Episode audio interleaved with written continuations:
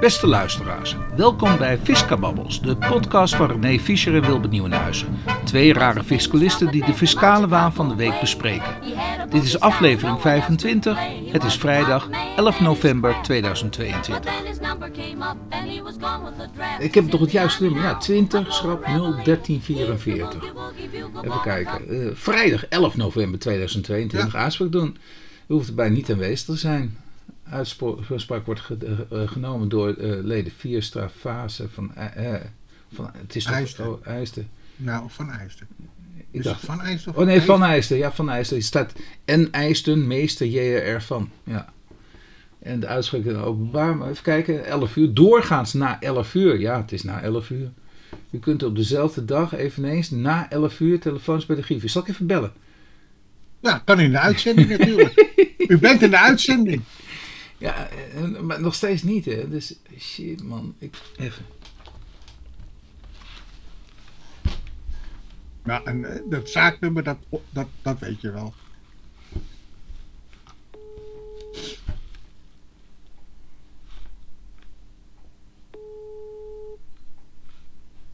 Wordt niet opgenomen. Jeetje. Lijkt de Belastingdienst wel. Oh, overigens over de Belastingdienst gesproken. Ik heb op, uh, nou het is ook maar best wel een aardig verhaal. Want ja, je krijgt toch niemand te pakken. Nee, dat niet. Nee, nee. Ja. ja. Overigens, aardig verhaal dus. Juni 2021 heb ik vooroverleg uh, verzoek ingediend. Nou, ik, ik hang deze even af. Wacht ja, even, op, even ophangen. Ja, dat lukt niet. Zo. Nou, dat is dus niks. Nee. Uh, zo, ben ik, ben ik, ben ik weer terug. In de uitzending. Nou goed, over uh, overleg met de Belastingdienst gesproken. Dus ja. lijkt de Belastingdienst wel. Ik heb een uh, verzoek uh, ingediend voor tot vooroverleg in juni 2021. Ik krijg, vandaag krijg ik een brief binnen. met aankomst, meer dan een jaar later. Ja. Nog, nog een keer. Wanneer heb je het verzoek ingediend? 24 juni 2021. Op Anderhalf vijf, jaar later. Ja, op 15 juli 2021 heb ik nog verzocht van joh, uh, op welke termijn kan ik het ontvangen? Nou, ja. goed. Uh, en vervolgens denk ik van ja, ik krijg totaal geen gehoor. Nee. Maar goed, uh, met dagtekening 11 november, nou 10 november overigens, ja. 2022 krijg ik uitspraak op het verzoek. Ja. ja, dat is toch niet normaal, joh. Nou, zullen we maar beginnen dan? Want, uh, ja, nummer ja. 25, uh, Wilbert. Oh, want dat, dat stomme toch, arrest, dat, komt, wat, dat komt maar niet van de grond, joh. Nee, nou, we kunnen live in de ik, uitzending, half twee, gaan we nog een keertje bellen. Dat lijkt mij verstandig. Ja, live in de uitzending gaan we bellen. In, in, in af en toe dan update ik nog even die pagina waarop alle resten verschijnen van, het, van de Hoge Raad. Uh, of ik inderdaad wat, wat heb gekregen. Nou moet ik wel van allerlei dingetjes moet ik altijd uitzetten, want anders krijg ik pingeltjes tussendoor. En dat willen de luisteraars natuurlijk niet hebben. Maar we beginnen. We beginnen met Nederland volgt Frankrijk met nationale invoering pijler 2. Wanneer Europees akkoord uitblijft. Nou, pijler 2, dat mag je wel eens een keer uitleggen, want dat hebben we nog nooit. Nou, nooit dat hebben we nog nooit. Dat wil ik juist aan, aan, jou vragen. Maar uh, uh, wat dat dus is, is dus het invoeren van een minimumtarief voor de, uh, voor de vennootschapsbelasting. Ja. Of een minimumbelastingtarief. Ja. En het gaat eigenlijk, en dat, dat blijkt ook uit, uit, uit, ja, uit de stukken, dat het voornamelijk gaat om multinationals. Multinationals. Ja. Nou ja, goed. Maar dat is dan de, de richtlijnvoorstel pijler 2. Ja. En kennelijk blokkeert Hongarije dat. Mm -hmm. En uh, nou ja, ze zoeken toch naar een uitweg dat het door uh, toch een wereldwij wereldwijde, dat is ook de arrogantie, hè, Europese oplossing voor een wereldwijd probleem. nee. Jawel. Ja, nee, maar het was geïnitieerd tot door Biden. Uh, die, die heeft toch op de. Had Biden dat geïnitieerd? Jawel, die heeft op. Biden? Voor de 15 procent? Nou, uh, nee, maar uh, ja, volgens, nou, ik weet niet of het geïnitieerd is door Biden, maar uh, Amerika die wilde daar aan meewerken. Ja, maar dat is wat anders. Oh. Maar goed, de arrogantie van Europa. Nee, wat zei je? Maar, nee, nee, maar dan is dit in het kader van, ik, ik bedoel, Europa is één, Amerika is, is een ander. Ander blok. Ander blok. Ja. En dat zijn natuurlijk China. Wel, ja, maar dat zijn toch wel de centrumlanden, zoals ik dat heb geleerd met aardrijkskunde voor mijn zoontje. dus de centrumlanden. centrumlanden. Ja, ja ik, ik, ik, het was een term die ik nooit, nooit gehoord had. Nee. Ik geleerd heb met aardrijkskunde dat dat de centrumlanden zijn. In, in welk opzicht zijn het eigenlijk de, dan de centrumlanden? Nou, ten opzichte van de derde wereld, de, de, de landen. Oh, dus... hebben we nog steeds een derde wereld? Wordt er nog steeds onderwezen? Hm. Dat je de eerste wereld, tweede wereld en de derde wereld hebt. Nou ja, althans, zo, zo noem ik dat dan. Oké, ontwikkelingslanden dan. Uh, uh, snap je? Alhoewel, ik, ik vind, ik, ik bedoel, als je in die ontwikkelingslanden geweest bent, dan denk ik, nou, dat zijn toch best wel, uh, wel, wel ontwikkelde landen. Ja, jij bent er echt de facto, heb jij nog daar de invoering van de BTW? nee, niet de invoering van de BTW. Nee, ik heb onderwezen over de BTW. Nou ja, nou, dat het al was ingevoerd, want was ik er maar bij betrokken, dan had ik inderdaad rare dingen altijd voorkomen. Maar nou, in ieder geval, je bent er dus wel, uh, er ja, wel en, maar om jouw deskundigheid. Als je dan in dat soort landen komt, nou ja, dus Ethiopië ben ik geweest, en dan denk ik, nou, als je daar in Addis Ababa komt, dan is dat toch best wel een ontwikkelde stad hoor. Dat je, dat, en natuurlijk, hoe, hoe verder je natuurlijk het, het, het land op gaat, dan wordt het wat anders natuurlijk, maar... Maar uh, er zijn daar gewoon echte uh, ontwikkelde steden. Ja. ja. Maar uh, ik, ik, ik, dacht dus dat in het kader van Biden met de Europese Unie mensen die waren van plan om inderdaad een minimumtarief VPB door te voeren. En ja, wil je dat binnen de Europese Unie doen, ja, dan moet je daar toch een, dan zul je dat een richtlijn moeten gaan aannemen daartoe. Ja. Ja. En het vervelende is natuurlijk dat op fiscaliteit, nou vervelende, het goede is, moet ik juist zeggen, het goede is, zo zie, zie ik, kijk ik er tegenaan, dat je daarvoor een unanimiteit nodig hebt. Dat er niet zomaar de meerderheid van de uh, Europese lidstaten kan bepalen. Oh, dat gaan we even doorvoeren. Ja, en nu ligt er iemand dwars. Ja, maar wat vind je eigenlijk dan van het gegeven? Ik dacht dat uh, belasting belastingwetten, of belasting in het algemeen, dat dat dus een, uh, een uh, auto, autonoom was. Dat landen autonoom waren om dat te beslissen, met uitzondering van de BTW. Hè? En, uh, nou, maar is, dat, is, is dat een minimumtarief invoeren, is dat, dat niet een inbreuk op, op de autonomie? Nou, nee, nee dat soort minima-tarieven, en dat hebben we dus ook in de BTW. Ja, ja, ja, ja maar dat is op, dat, nogmaals, dat is op basis van unanimiteit besloten. Ja, maar, maar Hongarije blokkeert dat nu toch? Ja, en, en, en dat is een minimumtarief op de BTW. Nu gaat het om een, een minimumtarief van de VPW, die ze met elkaar willen afspreken dus. En, en dan heb je dus unanimiteit nodig. En dan zit er één land tussen. En dat is nou toevallig Hongarije. Nou, niet geheel toevallig natuurlijk. En, en die blokkeert dus de hele boel. Ja. ja, die wil natuurlijk, en, maar dat is altijd al zo geweest. Dat, heeft, dat is dus met andere richtlijnvoorstellen idem dito het geval oh, geweest. Ook Hongarije die blokkeert? Nee, niet alleen Hongarije, oh, maar ook Polen en ook, andere, en, en ook andere lidstaten. En die willen dan, dan iets ervoor terug. Ja, ja, ja. En dan krijgen ze dan ook heel vaak. En dan pas Wat voor terug, ja. Ja. In ieder geval gaat wel een aantal andere landen, en dat heb ik ook begrepen. Kijk, als niet iedereen akkoord gaat, die 27 lidstaten, dan kan je ook in klein comité kun je dus dingen afspreken in Europa. En daar zijn ze nu wel mee bezig. Dus dan hebben ze dus uh, in dit geval Nederland, Italië, Spanje en Duitsland. Nou, Samen dus met Frankrijk, die dat dus uh, toch gaan invoeren. Ja. Binnen, een, uh, binnen een bepaald tijdsbestek. Ja, maar oké, okay, uh, het wordt tegengehouden. Dus een kink in de kabel begrijp ik eigenlijk op internationaal gebied. En nou, we moeten maar weer rustig afwachten wat er gaat gebeuren als er wat gaat gebeuren. Ja. Nou, dan, dan de volgende, die gaat over pensioen. Ja. We hadden, laten we deze beginnen. Niet uitgekeerd pensioen, toch belast. Ja. En het is een uitspraak van het Hof Leeuwarden. Uh, Hof Arnhem, Leeuwarden moet ik zeggen, sorry. En het is 21 00859 en hij is van 25 oktober 2022. Nou. En uh, die heb je ingestuurd. Dat je zegt, uh, nou, ja, en waarom? Oh, leuk. Ja, waarom? Ja, waarom? Omdat in dit geval, nou, heel simpelweg uitgelegd, het gaat om, om een besloten vennootschap waarin dus een pensioen in eigen beheer is opgebouwd. Mhm. Dus een meneer en die heeft een BV. Een meneer en BV. En die BV, daar heeft hij zijn pensioen Eigen beheer. Ja. Maar vervolgens gaat hij die gelden gaat die uit de BV uh, uh, onttrekken. Uh, in die zin wordt beleend.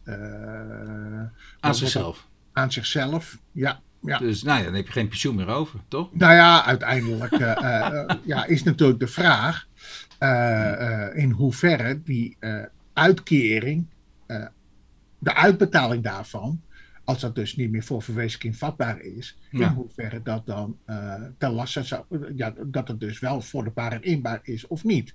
Want namelijk, eh, eh, zij, ze- ze- hij- hij heeft een pensioen van een x bedrag Ja. en dat wordt verlaagd tot een bepaald bedrag en vervolgens wordt dat niet uitgekeerd. Dus het pensioen wordt verlaagd.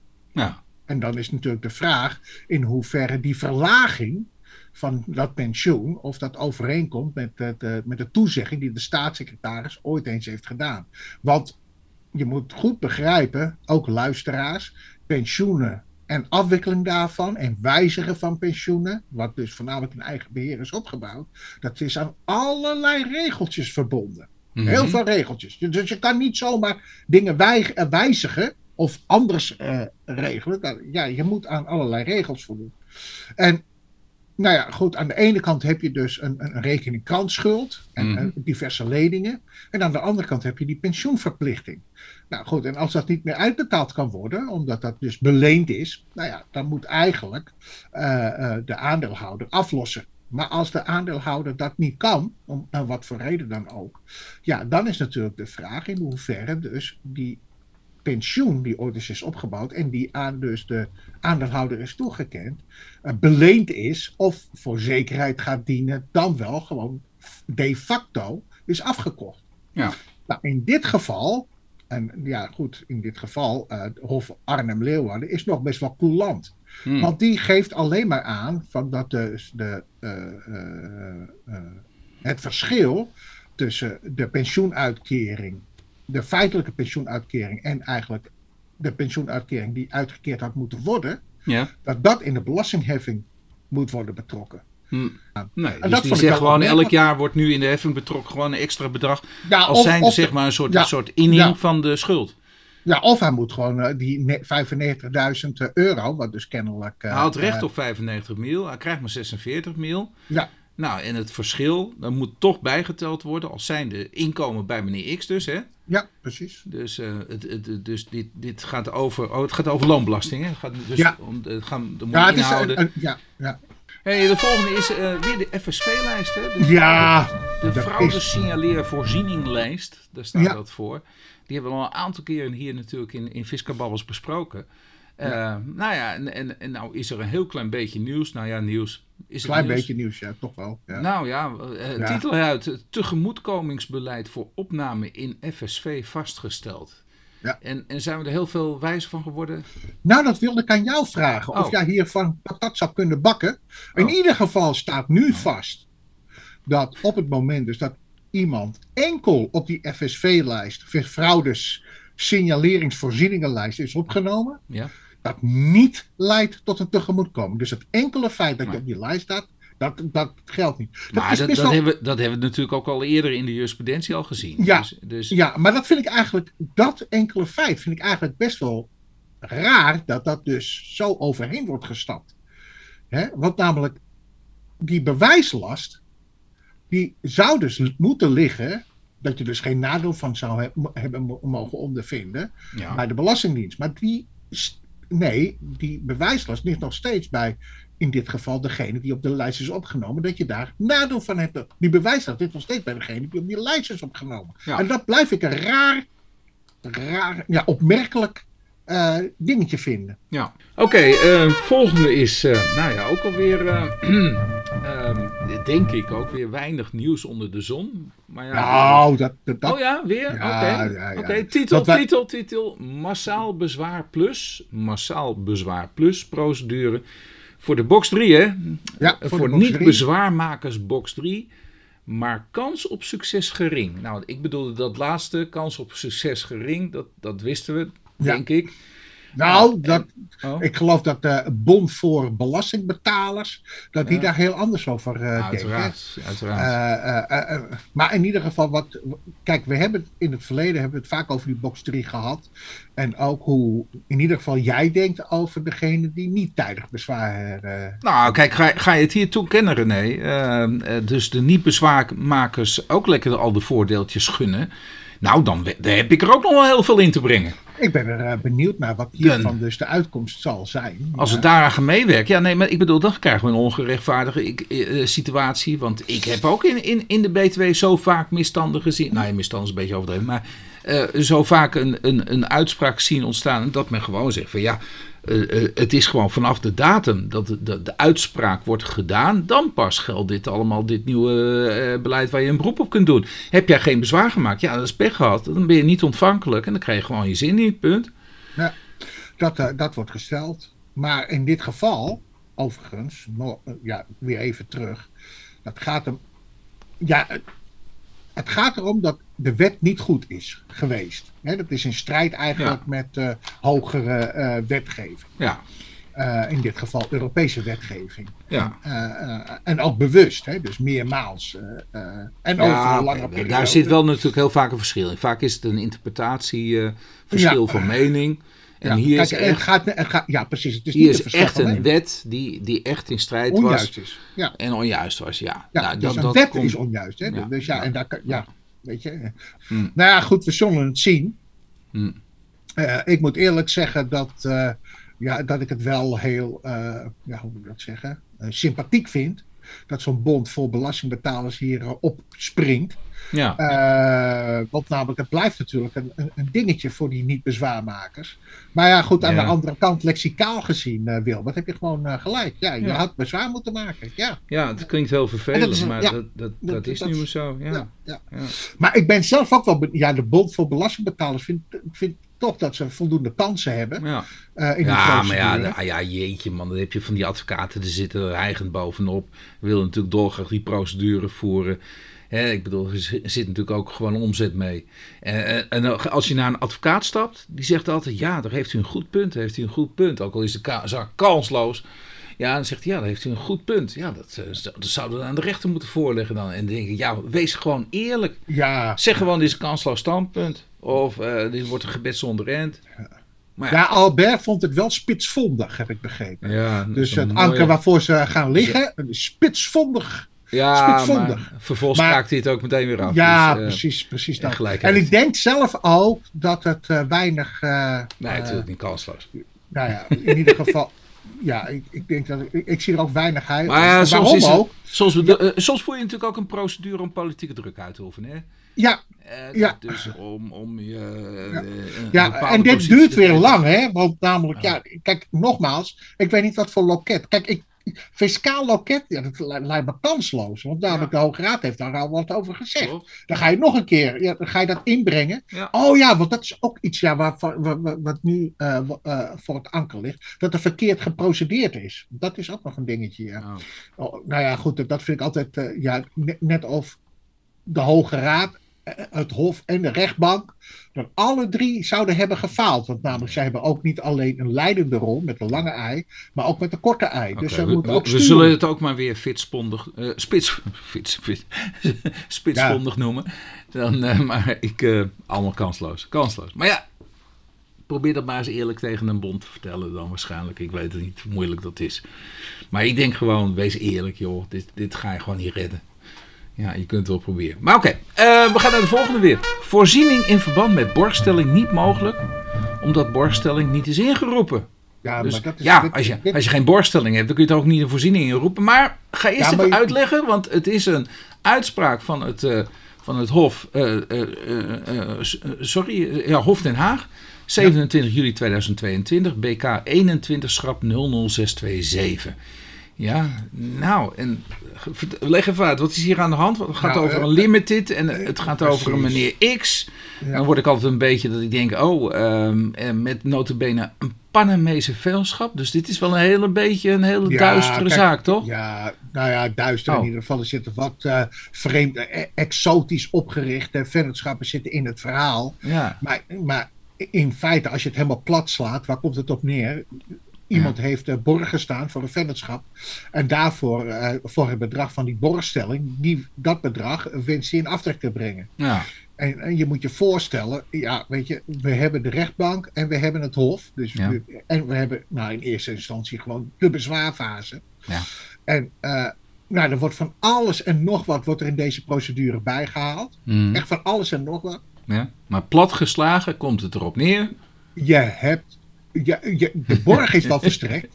Want dat is allemaal bewezen tot het moment van, ja, maar is hij ingeroepen? Heeft iemand zijn geld teruggevraagd? En toen stond ja, iemand met een bek vol tanden. Toen met ja, toen dacht ik van ja, weet je, en dan zit je alles door te nemen. En dan denk ik van ja, dat, dat vind ik dan jammer. Ja. Hè, want, want die vraag zou je toch verwachten. Ja. Want namelijk, je gaat toch niet bedragen in aftrek brengen en het gaat niet om, het gaat gewoon, ja, pak een beter om een miljoen, zeg maar, zoiets. Of half miljoen. Nou ja, in ieder geval om een aanzienlijk bedrag uh, uh, van die borgstelling. Ja. ja, en het moet dus wel ingeroepen zijn. En je moet het ook feitelijk betalen. Dus kijk, en ze hebben het in 2010 geprobeerd. Ja. We hebben het nu in 2011 geprobeerd. Ja. Dus ja, we, maar ingeroepen wordt het niet. Hey, ja, even, even hop van de pers. Ik, hop ik, van de pers. Ik, ga hem openen. Maar, shit, waar, maar, maar, maar opent hij nou niet?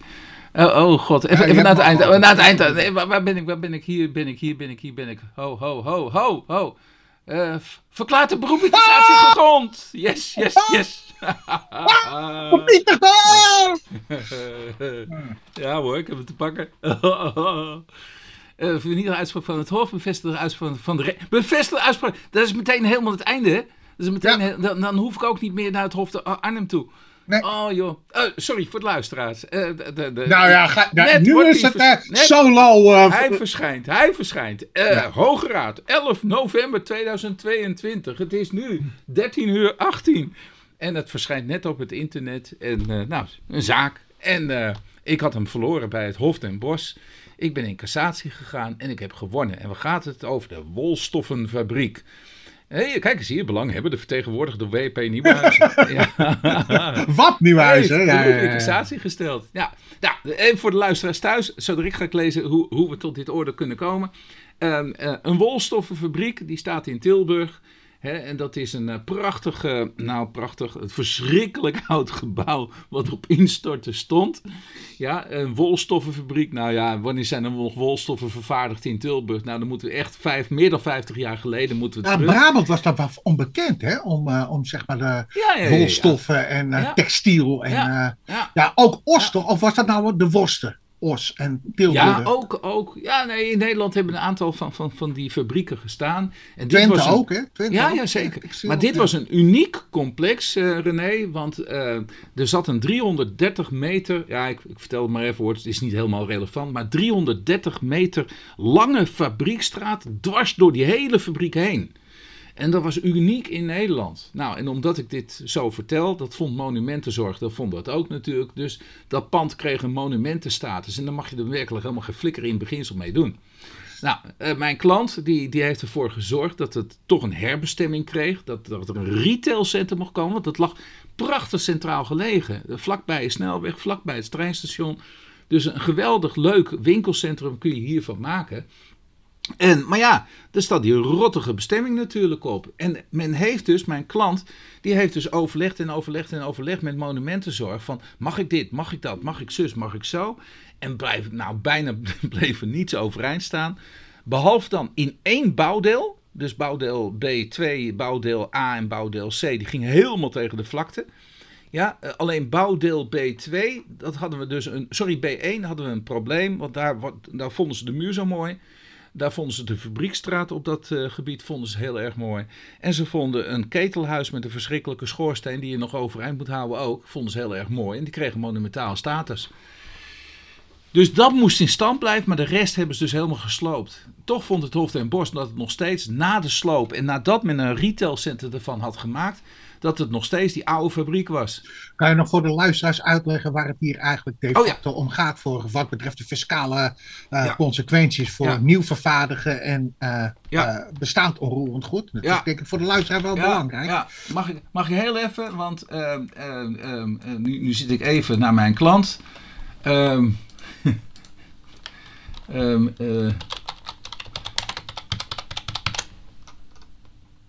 Ja, even, even mijn klant geïnformeerd. Gewonnen met uitroepteken, uitroepteken, uitroepteken, uitroepteken. Zo. Uh, want die hing al aan de telefoon daarnet. Ja. dus. Uh, um, ja. ja, is wel een dingetje dit. Ja, man, geweldig. Uh, waar gaat het over? Ehm, het, het, kijk, ik ben BTW'er en ik procedeer over een BTW-vraagstuk. Maar het BTW-vraagstuk is geen BTW nu, maar het gaat over overdrachtsbelasting. Namelijk de samenloopvrijstelling. Die is afhankelijk gesteld van de BTW. Als dit nieuw is, dan, nou, dat heeft nu de Hoge Raad geoordeeld. Dan is het BTW belasting en krijg je vrijstelling overdrachtsbelasting. Nou, dat was in die tijd 6%. En tegenwoordig is dat, uh, wat is dat tegenwoordig? Nou, 9% of... Uh... Nou ja, in ieder geval een uh, fors bedrag dat niet aftrekbaar is. Ja, dus dus dat is het vervelend. Het is echt een kostenpost. Terwijl BTW, die in rekening brengt, die kun je in aftrek brengen. Want ja, je gaat het tenslotte gebruiken voor belastingactiviteiten en dan heb je aftrekrecht. Dus dan wil je graag een BTW belaste levering, een vrijstelling overdrachtsbelasting. Omgekeerd heb je het ook heel vaak hoor. Vaak wil je ook namelijk dat het niet een btw-belaste levering is. Waarom? Omdat btw, als hij niet aftrekbaar is, 21% is meer dan de overdrachtsbelasting. Ja dus het is afhankelijk van de situatie, afhankelijk van, van uh, de, de toekomstige exploitatie, wat voordelig is. En hier was voordelig voor mijn klant dat het wel een btw-belaste levering is, want het is een retailcenter. En als je dat in de btw doet, nou ja, dan heb je gewoon btw-aftrek. En die overdrachtsbelasting, ja, die bleef hangen natuurlijk. Dus nee, geweldig, geweldig, geweldig, geweldig. Gewonnen, gewonnen, gewonnen, gewonnen. Um, ik, ik ben helemaal nog even van me apropos. Ja, ehm, maar je, moet, ja, ik, maar je bent nog niet klaar. Want namelijk, nee. het gaat nog even over dat vervaardigen. Want je ja. bent gebleven uiteraard ja. bij uh, uh, de muren die nog uh, is blijven staan. Ja. En wat is dan de overweging geweest? Nou, die ga ik nu lezen. Want ik lees hem ook nu voor het eerst. Ja, ja, ja, ja, Er zit, zit natuurlijk er zit een heel stuk aan voorafgaand altijd. eerst wordt even uitgezegd van incassatie kan worden uitgegaan. En dan wordt die hele situatie nou, hier, de 330 meter lange fabriek, uh, fabriekstraat wordt ook genoemd, et cetera, et cetera, et cetera. En dan nu middel 1. En daar heb ik een heel stuk overgeslagen, iets van, van 70% van, de, van het arrest. Maar dat is alleen maar beschrijvend en ook wat het Hof heeft geoordeeld. Middel 1 is gericht tegen de hiervoor onder 2.2 weergegeven oordelen van het Hof, 232. Bij de beantwoording van de vraag of in wezen een nieuw gebouw is ontstaan, moet worden vastgesteld wat er in bouwkundig opzicht met het bestaande gebouw is gebeurd. En nu, nu, nu dus ook hè, bouwkundig opzicht. Dat is iets wat vorige week vrijdag, en die dat arrest gaan we nog behandelen trouwens. Uh, vorige week vrijdag werden de prejudiciële vragen beantwoord van de rechtbank Zeeland-West-Brabant. En uh, die, die zeiden, ja, we kennen wel die wolstoffenfabriek, maar wij willen toch wel even iets meer weten, Hoge Raad. Want wij zitten ook continu met die vragen. En als u alleen maar dit vraag, deze vraag gaat beantwoorden, mm, we willen nog even wat meer weten. Nou, en toen is ook de Hoge Raad, die eh, is, heeft, heeft iets geroepen. En dat gaat over dat bouwkundige opzicht, dat bouwkundige constructies. Van, dat hebben we eigenlijk bedoeld met een arrest uit 2010 en dat is over het kinderdagverblijfarrest. En toen werd dat in wezen nieuwbouwcriterium, een arrest van de Hoge Raad van 19 november 2010, dat werd toen geïntroduceerd door de Hoge Raad. En we wisten niet waar het vandaan kwam. Dus nog steeds niet hoor, want daar, daar kun je nog steeds vragen over zeggen. Maar het, het, het is ook, als je, als je kijkt naar de Nederlandse wetgeving, de Nederlandse jurisprudentie, de Nederlandse parlementaire geschiedenis, is dat logisch dat, dat de, Hoge Raad dat toen geoordeeld heeft. Maar er had toen wel wat meer tekst en uitleg bij gekund. En dat, dat geven ze dus nu, want nu gaan ze dus op de bouwkundige constructie verder. Oké, ik, ik, ik citeer me weer even voor, want ik, ik zie ze staan. Um, dus dat bouwkundig opzicht moet er iets met het bestaande gebouw zijn gebeurd. Daar, daar hangt het allemaal vanaf, zegt de Hoge Raad. Alleen wijzigingen in de bouwkundige constructie daaronder begrepen vervanging van een deel van de bestaande bouwkundige constructie, dat riepen ze vorige week, kunnen de conclusie rechtvaardigen dat een verbouwing zo ingrijpend is geweest dat daardoor in wezen een nieuw gebouw is ontstaan. En of zulke wijzigingen zodanig ingrijpend zijn geweest, is afhankelijk van de eh, omstandigheden van een geval. Riep ze ook vorige week. Factoren zoals de eventuele functiewijziging, de bouwkundige identiteit, de uiterlijke herkenbaarheid of de naamsbekendheid van een gebouw het heet nog steeds de AB-fabriek. Maar ja, dat wil je ook graag, want iedereen die weet waar de AB-fabriek staat. Dus dat hebben ze natuurlijk voor het retailcenter uiteraard gehandhaafd natuurlijk. Ja, toch? Dus de AB-fabriek, uh, wacht even hoor. Um, de, de, wat staat hier? Naamsbekendheid van een gebouw voor en na de verbouwing kunnen aanwijzingen zijn voor de constatering dat een verbouwing in bouwkundig opzicht zo ingrijpend is geweest dat in wezen een nieuw gebouw is ontstaan. Zij zijn voor die beoordeling echter niet doorslaggevend, nog op zichzelf, nog tezamen genomen en evenmin noodzakelijk. Maar het zijn wel aanwijzingen. Dat is wel een hele rare, dat wel nou, een vreemde zin. Ja, ik, ik, eh, eh, vooral functiewijziging ben ik het ook niet helemaal eens hoor met de Hoge Raad. Want ik denk dat die functiewijziging, als je let op de jurisprudentie van het Hof van Justitie met name, ben ik niet helemaal mee eens. Ik, ik, ik denk dat daar wel heel veel belang aan gehecht moet worden. Maar ik kan me voorstellen dat als een gebouw een gebouw is gebleven en je zegt er is alleen maar een functiewijziging, ja, dan is het nog steeds niet een nieuw gebouw. Nee. Kijk, en, en dat begrijp ik ook wel van de Hoge Raad. Hè, maar ja. Ja. nou ja, maakt niet uit. Uit hetgeen, nu gaan we het 241. Ook, ook raar, hè? want waarom staat er nooit 2-4 eerst tussen? ik snap die nummering ook nooit. zie Nee, zie- jij die nummering? Ik snap die nummering niet. Ik bedoel, je hebt 2-2 en dan verwacht je hier tussen 2-3. Nou, ik, en- en volgens mij staat het ook in. Maar ja, Nou, is- ja, volgens mij is het gewoon gekort of zo. Er had meer tekst nou, je denkt dat hier Denk ik. meestal nog ergens een 2-3'tje tussen moet. En ja, een 2-4. ja, of een 2-4. Of, ja, Ja, nou een 2-3'tje en een 2-4. Want je ziet Ja. 2-2 hebben ze wel. En, en, en hier dan weer. eh, Oh ja, hier ook in cassatiecomfort. Ja, nou ja. We gaan verder. Ik dwaal af. 2-4-1. Uit hetgeen hiervoor onder 2-3-2, heb ik net voorgelezen, is overwogen. Volgt dat het Hof is uitgegaan van een onjuiste rechtsopvatting door niet de ingrijpendheid van de bouwkundige, ja, heb ik ook gesteld, verandering doorslaggevend te achten voor de beoordeling of van de bouw, belanghebbende een vervaardigd gebouw in de zin van de eh, middelslaag daarom. En gelet erop kan het niet in stand blijven. Ik heb gewonnen, hè? Ja. ja, lekker man. Dus, lekker man. Ga ermee! dus Ja, ja. ja middel 2 en 3 hoeven niet meer dan, hè? Nee, nee en, eh, daarom. Dus, dus, en, en dat middel 2 en middel 3 behoeft, geen behandeling meer. En, en dat vertelde ik je woensdag ook al. Ik, ik verwacht, ik, ik heb hem gewonnen. Want eh, afgelopen maandag kreeg ik dus van het eh, NTFR en NDFR kreeg te horen welke uitspraken er allemaal zouden worden gedaan door de Hoge Raad. En daar zaten die andere twee zaken waar een gezamenlijk middel 3, dat is ook mijn middel 3, althans mijn middel 3, eh, wordt besproken, die zaten daar niet bij. En, en toen, toen zei ik al, hé, hey, de Hoge Raad komt blijkelijk niet toe aan middel 3. Nou, en, en, en dat blijkt dus ook zo. Oh, heerlijk hè. Ja, Ja. hey, hij, hij belt. Mag ik hem even opnemen? Ja, tuurlijk. Ik eh, knip het er wel even uit. Ja, Harry, met Wilbert. Ja, dankjewel. dankjewel. Helemaal, helemaal afgerond ook, hè? Want eh, het gaat niet naar het Hof Arnhem toe. Ze doen het zelf af. Ja. Ja. Ik zag het. Lekker, hè? Lekker. Ja. Ja, ja. Nou, ik, ik zit op dit moment, zit ik net een podcast zit ik op te nemen. Ja, en, en eh, mijn, mijn, Hij collega die zei, nou, die leest met me mee. En die is er ook helemaal mee eens natuurlijk met wat ik zeg. En eh, dus, dus, ik- dus ik zei, nou, ik moet hem even opnemen. Want eh, ik, ik spreek, bespreek dus allemaal fiscale waan eh, van de week. En, dus het kwam er echt nu zo tussendoor. Dus eh, ja, ik zal niet zeggen, je zit live... ik zet je even op de speaker. Wat, wat, wat zei je precies? Ik ga in ieder geval die podcast deze week luisteren. Fiscale Nou. babbels, of hoe heet het? Fisca-babbels heet het. Fisca babbels, ja. ja, ja. Het is uitzending nummer 25. Dus eh, Oh, dan, zit, ik ga- dan zit je live in de uitzending. Ik vind het een fantastisch resultaat. En eh, complimenten nogmaals aan jou, eh, Wilbert. En eh, ik vind het ook geweldig dat je er zo lang zoveel vertrouwen in gehad hebt. En, en dat je dat ook waargemaakt hebt. nou, dank, dank, je voor het, dank je voor het compliment. Het, het, het is wederzijds, want ja, jullie hadden natuurlijk ook het vertrouwen erin moeten hebben. Want, eh, nou ja, we hebben wat tegenslaagjes gehad natuurlijk. Dus, eh, Dat kan je wel zeggen, ja. ja, ja, Het heeft ook vrij lang geduurd. Maar ja. goed, dat komt dan wel weer tot uiting in de rente. Die we dan weer Nou, ik ben bang dat we er niet veel van krijgen. Maar...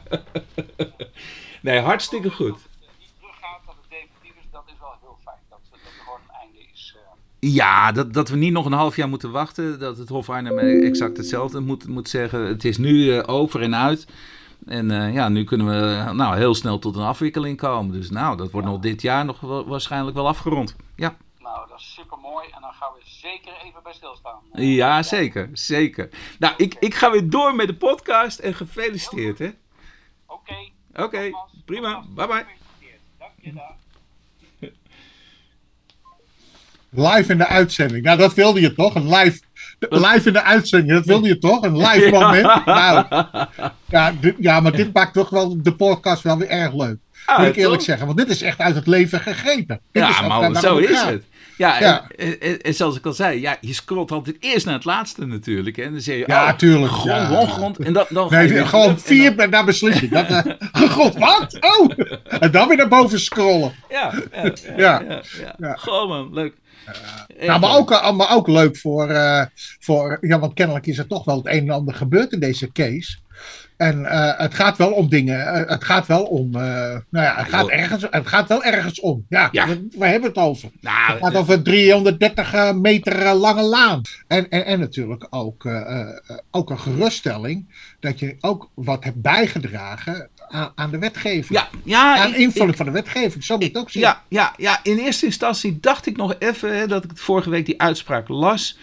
eh, van, van, van, ook van de Hoge Raad, hè, in die prejudiciële vragen. Van, Ja. eh, eh, van nou, hè, daar zag ik dus dat, dat die opening in, die hier dus ook nu wordt benut. Hè, dus die, die, dat ze inderdaad zeggen dat het echt wel gaat om die bouwkundige constructie. Hè. De bouwkundige werkzaamheden, daar moet je toch echt op letten. En ja, dat hadden wij dus ook echt duidelijk naar voren gebracht. Dat, ja, de dak, ik bedoel, je legt er een nieuw dak op, maar het dak had nooit gedragen kunnen worden door enkelsteens wandjes. Ik bedoel, dat kan gewoon niet. Die- En, en ik bedoel, die, die muur die overeind blijven staan, dat waren enkelsteens wandjes, joh. Dat, dat, dat, dat kan niks dragen. Nee. Maar ja, dat is omdat het monumentaal spul is. Ja, de- de- eh, dus al dat hele, dat hele interieur, dat was natuurlijk helemaal eh, eh, gewijzigd om dat dak te kunnen dragen. Sterker nog, zelfs de vloer, die moest van 400 kilo per vierkante meter worden ver- ver- ver- verbreed naar, naar 1000 kilo per vierkante meter hè, aan, aan draagkrachtvermogen. Eh, want anders mag je geen retailcenter erin beginnen. Voor een fabriek was die 400 kilo voldoende, maar voor een retailcenter moet je 1000 kilo hebben. Ja, eh, eh, er werd totaal geen aandacht aan besteed. Maar ja, ik vond het buitengewoon van belang. Ik bedoel, dan ben je toch echt bezig. Ja. Maar ja, Eh, volgende. Geen... Nou, dat is toch ook een bruggetje, zeg potje.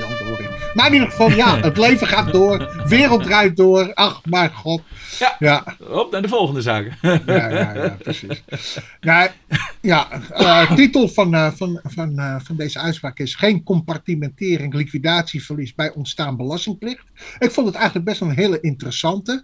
Als ik de uitspraak, de Hoge Raad oordeelt dat het opgeofferde bedrag van de op het moment van ontstaan van belastingplicht aanwezige deelnemingen wordt gesteld op de historische kostprijs. Als we Ja. even naar, de uit, naar het arrest zelf gaan. Dat is een eh, uitspraak van 4 november 2022, nummer 21 slash schrap 02980.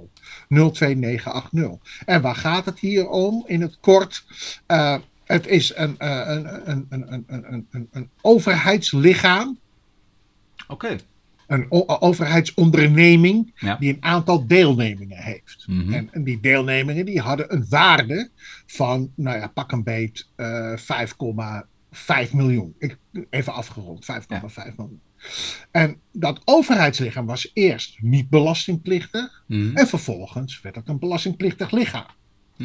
En op het moment dat hij een belastingplichtig lichaam is geworden, Ja. Bleek dus dat die deelnemingen niet meer voldeden. En in de VPB heb je een, een liquidatieverliesregeling. En wat houdt dat in?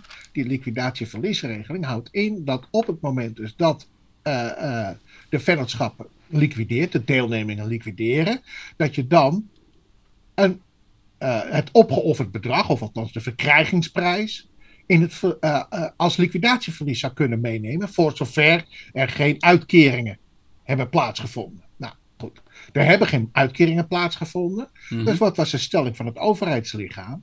Ik trek eh 5,5 miljoen af als liquidatieverlies. Ja. Nou, dat vond eh, eh, de Belastingdienst. Niet zo goed. Nee, want die zegt, wat was de stelling? Ja, nee, je moet, je moet dus de waardering nemen, de verkrijgingsprijs, op het moment dat die een, een, VPB-plichtig lichaam is geworden. Hm.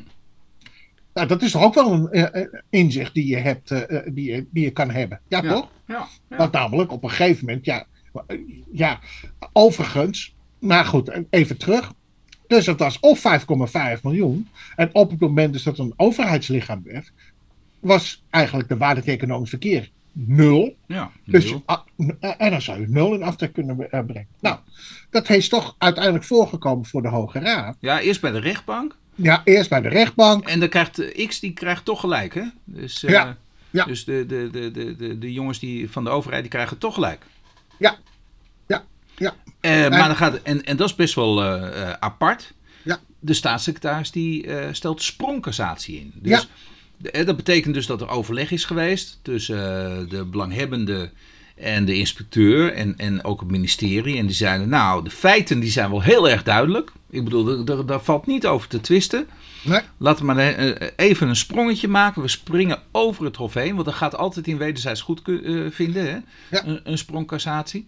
precies. En eh, eh, omdat we het volledig eens zijn over de feiten, nou, dan kunnen we het eigenlijk beter maar meteen hup voorleggen, omdat het echt een rechtsvraag is aan de Hoge Raad. Ja.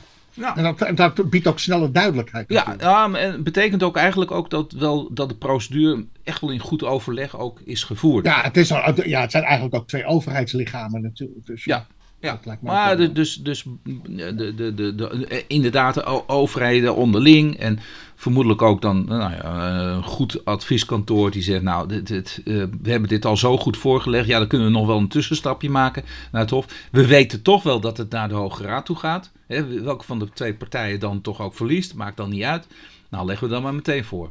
Precies. Ja, Ja. sprongcassatie. En wat doet de Hoge Raad?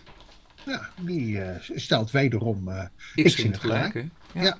UBO-register. Oh, daar weten we alles van. Maar nu voor trusts Ja, dat wilde ik toch even doorgeven. en Dat- soortgelijke juridische constructies. Ja, die ja, is in werking getreden. En dat is op eh, 1 november, 1 november. 2022 En gebeurd. binnen drie maanden moet zo'n trust en eh, eh, moet, moet alle verplichtingen voldoen. En eh, nou ja, dat is toch best wel heel dwingend, zeg Ja. maar. Ah, maar dit wisten we toch? Dit, dit, maar nu... Nee, dat is voor de. Ja, we hebben, voor, we hebben ook voor eh vennootschappen en dergelijke. En voor stichtingen en verenigingen. Maar dat is, eh, ja, hoe moet ik zeggen. continu. Ik, ik moet dat nog steeds doen, weet je dat? Ik moet dat nog steeds doen. We zitten, al, we zitten op uitzending 25, maar we moeten het nog steeds doen. ik vergeet het elke keer weer. Ik heb maar ik krijg ook helemaal geen, geen reprimande of wat dan ook. Dus van, van de Kamer Koophandel. Ja, tot het, tot het moment dus dat de bank eh, zegt van. eh, nou ja, we gaan eh, de Oh, ja. bankrekening stoppen. Wie is ook weer penningmeester? Volgens mij ben jij dat. ik ben secretaris. Grote ogen. Ah. Ja. Dus jij ik heb die ook nog bank- niks gehad. Nou, maar ik heb toen ook al een heel uitgebreid interview gehad hoor, met, met de bank.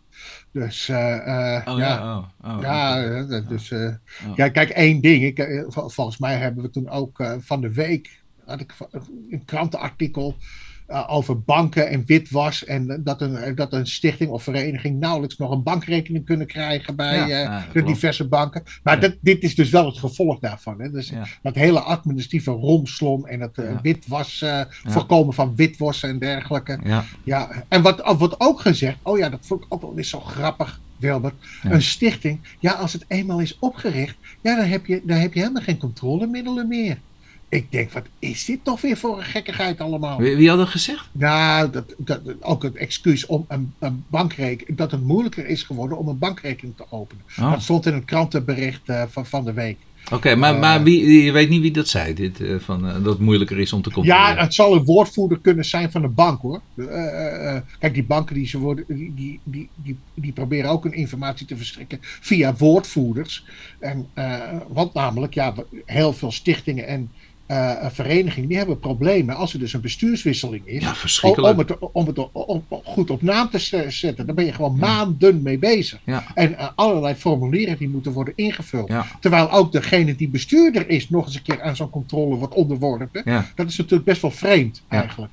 Dus als jij dan nog eens een keer zo'n economisch delict hebt begaan, bijvoorbeeld je hebt je vuilniszak te vroeg eh, aan de kant van de weg gezet, zo'n milieudelict, ja, dan Mm. ben je meteen de, de pisang, zeg maar. ja, ja, ja.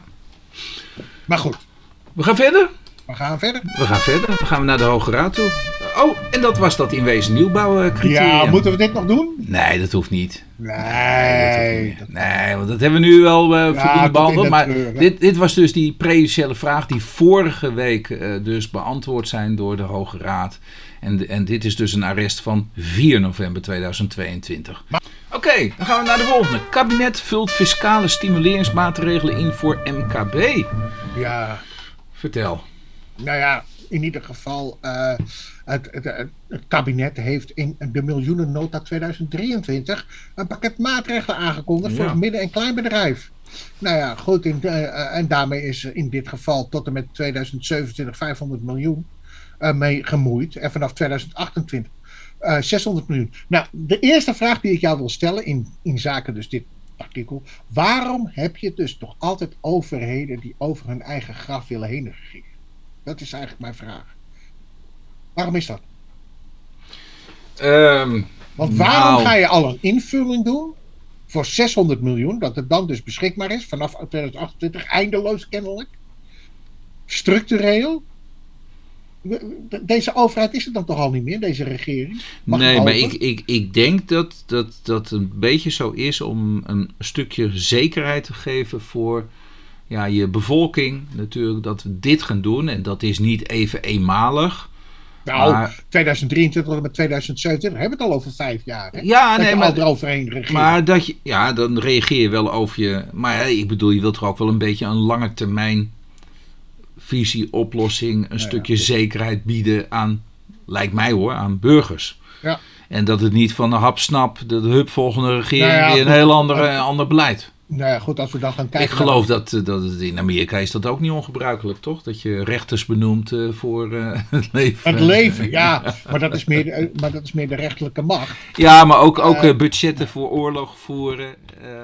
Want Biden Ja, dat, dat- die worden jaarlijks vastgesteld, toch? Als je bijna het Nee, plafond raakt, dan, eh, dan stopt alles. Nee. Dan krijg je de ambtenaren geen geld meer en zo. Nee, want voor die. eh, nee, dat kan dus niet. Niet met die oorlog voor Oekraïne. Daar heeft eh, Biden een budget gekregen.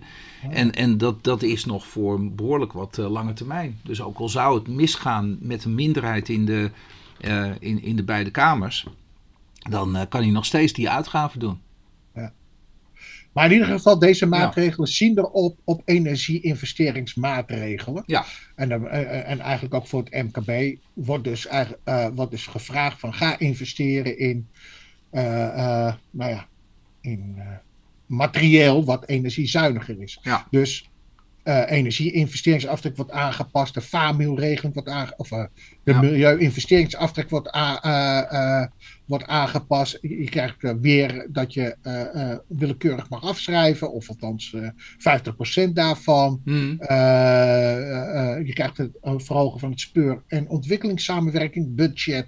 Hmm. Maar weet je wat er dan eigenlijk vergeten wordt? En nog wat, wat werkkostenregeling wordt verhoogd. Ja, ja. Lasten van arbeid wordt verlaagd. Maar wat, wat men eigenlijk vergeet, en dat is eigenlijk best wel van belang. Voor wat betreft die energie-investeringsmaatregelen. Je moet wel in kunnen investeren. Ja. Maar als jij wordt geconfronteerd als warme bakkertje met een, eh, eh, eh, met een energierekening van wat eerst eh, 1000 euro is en vervolgens wordt het 8000 euro, Ja. dan heb je geen geld meer om te investeren. Hè? Dan ben je Nee. klaar. Ja. Ja. AB-claim. Een AB-claim in erfeniskwestie moet aan de hand van nominaal percentage worden vastgesteld. En het is een uitspraak van het Hof Den Haag. 4 Ja. oktober 2022. Ja, Nummertje. maar het is een civiel, hè? Een civiele zaak. Ja, civiele zaak. Dus vandaar dus dat de, de, de, het, de, het, het gerechtshof een zaaknummer heeft 200.267.296. Schrap 01. Ik bedoel, ja, dat soort... eh, dat hebben wij niet in het fiscalibus. Zo. Ja, ja, die heeft dus geoordeeld dat de moeder en de drie zonen de AB-claim op een eh, correcte wijze hebben berekend. AB-claim, als je dus overlijdt Ja. en er zit aanmerkelijk belangaandelen in de nalatenschap, Ja. dan eh, zit er ook een AB-claim op, een aanmerkelijk belangclaim, Ja. omdat dat vererft. En die kan je doorschrijven of niet doorschrijven. Het hangt ervan af of je een onderneming drijft of niet. De beweging. Nou, goed. Maar waarom ik deze ook specifiek heb aangehaald, is ook voor jou, Wilbert. Want Oh. namelijk, wat Oh gebeurt hier? Ja. Vader en moeder hebben vier zonen. Ja. Vader overlijdt Ja. op 25 februari 2015. In Ja. zijn testament heeft hij zijn vier zonen onterfd. En maar waarom is wat- dat voor mij van, van belang? Nou, omdat jij zei, dat kan toch niet? Nou ja, hier hebben we het. Nee. eh. Nee, ja, ja. Ja. Onterving. Je kunt altijd als zoon kun je dan zeggen, ja, maar dan heb ik nog altijd recht op een legitieme portie. Ja, en dan kun je de precies. legitieme Nou, portie maar, in- Dus even, toch- ja, eh, dus eh, ook al word je onterfd, je krijgt even goed wat als je daar een behoefte toe hebt. Punt. Ja, ja. Dus een echte onterving, hè, dat, dat, dat niks te willen, dat gaat niet. nee. Maar in ieder geval, Toch? Hey, Kamer heeft- be- beaamd, beaamd. ja, beaamd. Ah, Oké. Ja, maar in ieder dat geval, heb ik helemaal niet gezegd namelijk. Ik zei onterf kan niet. Ja, eh, met, Zo- zo, oh, oh. genuanceerd. Zo genuanceerd. Later werd zo heb ik, genuanceerd. nee, dat heb ik, nee, dat heb ik zo genuanceerd. dus onterven maar in ieder geval onterfd. dat Maar, in ieder, daarom heb, maar het zit ook wel een ander leuk dingetje in. Ja, maar oké, dus dat zit erin. En, en, en, Oh, eh, onterven. Maar in dus- ieder geval, ja, toen kregen we de procedure, want je begrijpt, als iemand onterfd is, die gaat, doet een beroep op de legitieme portie. Nou, Ja. De vorige keer hebben we ook al erover gehad. Het wordt een eh, eh, eh, ellenlange berekeningswijze. Hè? Ja. Wel, namelijk, je moet dan alle giften en dergelijke, die moet je weer inbrengen in die nalatenschap. Dus de, de legitieme portie, die moet dus berekend worden. Ja. Nou goed, maar in die AB-claim is natuurlijk altijd de vraag van hoe moet ik die AB-claim nu bepalen? Ja. Is dat met het percentage van 25%? Hè, wat dus eigenlijk de facto de feitelijke eh, percentage is van de AB-heffing. Nou ja, nu is het iets hoger, maar we hebben het hier over 2015 uiteraard. ja, Of moet ik rekening houden met de 6,25%, zoals dat in de erfbelasting is opgenomen voor ter be- berekening van de latente, VP, eh, latente AB-claim. Nou, wat wordt hier dus gesteld? Moeders stellen de AB-claim nominaal vast op 25%. Ter bepaling dus ik van ben, ik, ben, ik ben even het spoor bijster. Dus we, we moeten een legitieme portie moeten we gaan bepalen. Jij hebt een legitieme portie. Stel Ja. dat de waarde 100 bedraagt. Ja. Nou, dan mag ik in aftrek brengen Ja, de latente inkomstenbelasting. Ja, De- ja. want, die, want als ik die AB-claim, of Ja. de AB belang aandelen zou vervreemden, ja, moet ik daarover inkomstenbelasting ja, betalen. 25% toen. Ja, ja, het is 25%. Maar dat hoef ik niet direct te doen. Nee, en dus vandaar dat dat, zou ik ook over meerdere jaren. ja, dus vandaar dat je dan zegt, dan maken we het eigenlijk meer of meer contant. contant. Ja, Nou, en, en dat is die daar 6, heeft- 25% die dus voortvloeit uit de eh, erfbelasting. Daar is dat getal in benoemd. Ja. Dus de 6,25. Ja. En, maar 25% is gewoon acuut. Hè? Dat dus Ja. voor En, en dan gaat eigenlijk hier de vraag op dat als die legitieme portie eigenlijk, want ja, die zal waarschijnlijk, en misschien is dat de gedachtegang achter die 25%, die zal direct geïnd worden. Ja. Dus dan is er geen reden om die 6,25 te hanteren. Nou ja, eh, dat zou een stelling kunnen zijn. Maar ja, weet je, die stelling is eh, waarschijnlijk. En waarschijnlijk, daar heb je niet zoveel aan. Maar in ieder geval, ze hebben dus de stelling ingenomen dat Ja. dus de AB-claim in dit geval acuut in de berekening moet worden opgenomen. Dus tegen 25. Tegen 25%. Ja, dat, dat En is dat zei. wordt door het Hof geaccepteerd. Oké. Ik krijg, net, krijg net een felicitatie van iemand van de Belastingdienst van het ministerie van Financiën. Ah, ja, die ziet je naam natuurlijk staan. Ja, nou, die wist dat ik die zaak had gedaan natuurlijk. ja maar je Dus, naam eh, staat er ook in, hè? ja, ook, ook eh, dat is ook zo. Ja, ja. Ja. Ehm, tweede nota van wijziging. Wetsvoorstel overbruggingswet box 3. Ja. ja. Nou, dat is eigenlijk waar we het al zojuist over hebben gehad. Eh, dat is dus die ehm, eh, massaal bezwaarprocedure. Ja. Die dus nu wordt toegekend voor diegenen die niet bezwaar hebben gemaakt. Dus wat de staatssecretaris eigenlijk zegt is: niet-bezwaarmakers, maak geen bezwaar. ja, ik vind het toch wel lachen. Er zit toch een contradictie in, of niet? Ga je tegen niet-bezwaarmakers oproepen om geen bezwaar te maken? Ja, dat is toch wel grappig. Eh, doet hij dat echt? Of, eh? Ja. Kijk, de bewindsman wil een massaal bezwaar plus procedure toevoegen. Nou, in ieder geval geen rechtsherstel, dit en dat. Dus eigenlijk wordt er gezegd van, we merken dit aan als een massaal bezwaarprocedure. Dus u hoeft geen bezwaar meer in te dienen. Dus de niet-bezwaarmakers hoeven geen bezwaar in te dienen. Dat is toch, toch- dat is toch de, eh, Ah, de conclusie? Oké. Ja. Vind je het leuk? ja, zo. Ja, het, is- het, het- nou ja, goed. Ja, als ik de grap al moet uitleggen, dan is het ook niet meer leuk natuurlijk. Jammer weer dit. Maar goed. Dus de oproep is, niet bezwaarmakers. Kus. Geen bezwaar maken. Geen bezwaar maken. Nou, ik vind dat toch wel weer grappig. Ja. Memorie van antwoord. Wetsvoorstel excessief lenen Ja. naar Eerste Kamer. Ja. Oh jeetje, Nou, excessief dit is dus ook eh, ja, dat excessief lenen voor BV, eh, Ja. eh, voor dus de directeur groot aandeelhouders die volgens de wetgever te veel lenen vanuit de BV. Het is nu een bedrag geworden van 700.000 euro, begrijp ik eh, uit de stukken. Ja. Ja, het is 200.000 euro hoger dan wat het was, hè? want het was ooit eens 500.000 euro geloof ik. En nu het 700. Die ligt nu bij de Eerste Kamer, dus waarschijnlijk zal het eh, als hamerstuk eh, worden, eh, worden geaccepteerd. Dus Ja. ik denk waarschijnlijk dat met 1 januari 2024 eh, deze regeling wel ingaat. Ja. En de laatste, Ja, laten we daarmee dat- afsluiten. ja, ik denk, daar, precies. daar wacht ik maar even mee. Want ja, hier, komt onze, eh, hier komt onze tijd, hè? ja, Althans, het voor, komt voor mij al in zicht. ja, Ja, eh, Ja. ja, ja, ja, ja, begint, ik bedoel, ik, ik begin al eh, in, in de buurt te komen. Dat maar dat betekent hè? dus dat, dat je langer hè, aan het werk kan. Ja, dat gelukkig wel, ja. En, en dat is ook wel terecht. Ik vind dit eigenlijk, ik bedoel, ik kom in de buurt nu. En waar hebben we het over, luisteraars? Ja, we De. AOW-leeftijd. De AOW-leeftijd in 2028 gaat naar 67 jaar en drie maanden. Nou, dus eh, we gaan later met eh, pensioen, althans met AOW, laat ik het zo zeggen. Want ik ga Ja, niet met AOW. pensioen, want ik heb geen pensioen. Dus eh, Nee. ja, ja, ja. Ik ben zo'n ZZP'er, zo'n ja, vuile ja, ja, ZZP'er. Ja. Nou, jij moet het hebben van, eh, eh, van dit soort uitspraken, hè, van de arresten. Ja, ja, ja, daar moet ik het van hebben. Ja. Dus, en dan maar hopen natuurlijk dat die viskababbels tegen die tijd natuurlijk zo Ja, populair is dat geworden. wordt Dat we, zo populair. dat, dat, dat, we, dat we niet meer van de buis af te krijgen zijn. Dat, eh. Wat dacht je van, eh, van mensen die inbreken, jongen, in de uitzending?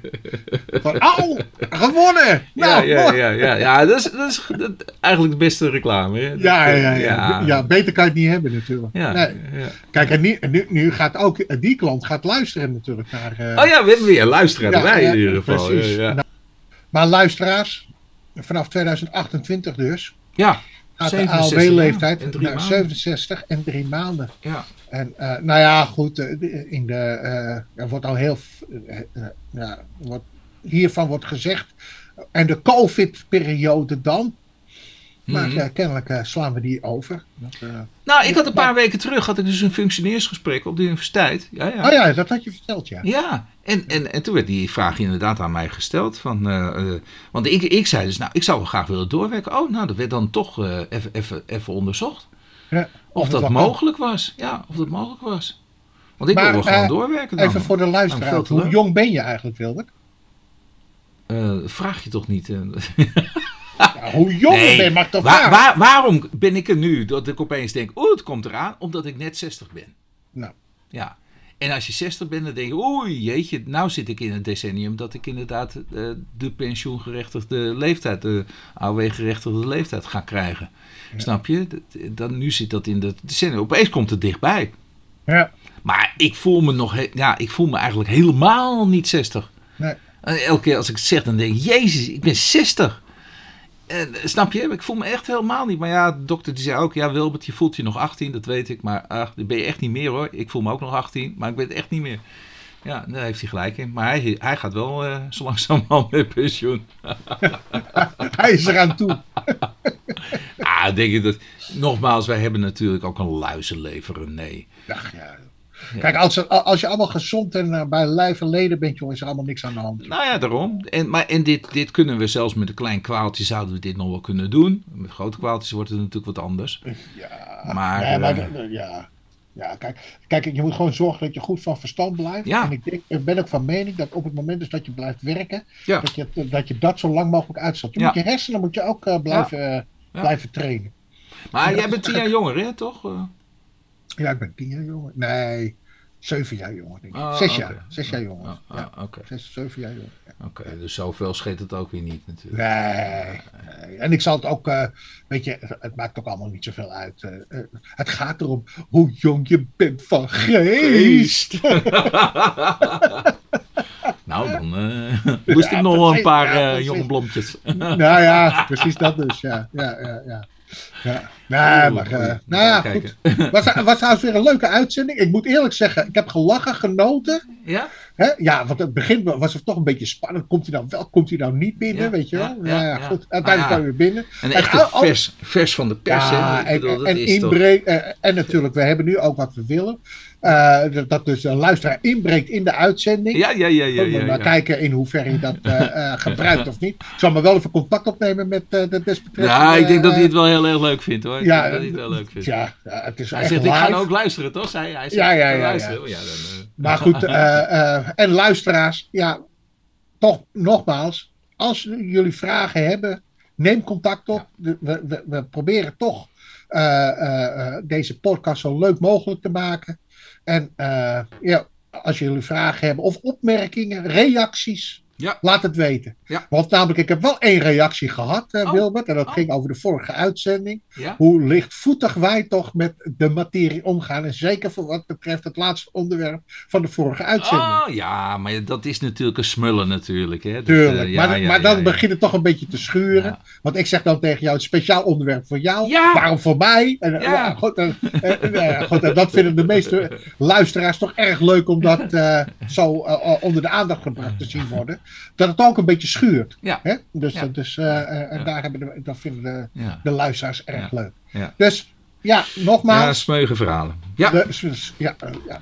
En, en ja, ik moet eerlijk zeggen, nogmaals. Ja, je hebt al twee felicitaties gehad. Hè? Vorige Oh. keer al felicitaties vanwege plaats 6. Ja, ja. en ja. nu alweer van nee, Ja. het moet niet eh, te gek worden natuurlijk. Nee, nee, nee. Dus, ja, ik maar dit was dit winning was mood, hè? De winning mood. Ja, precies.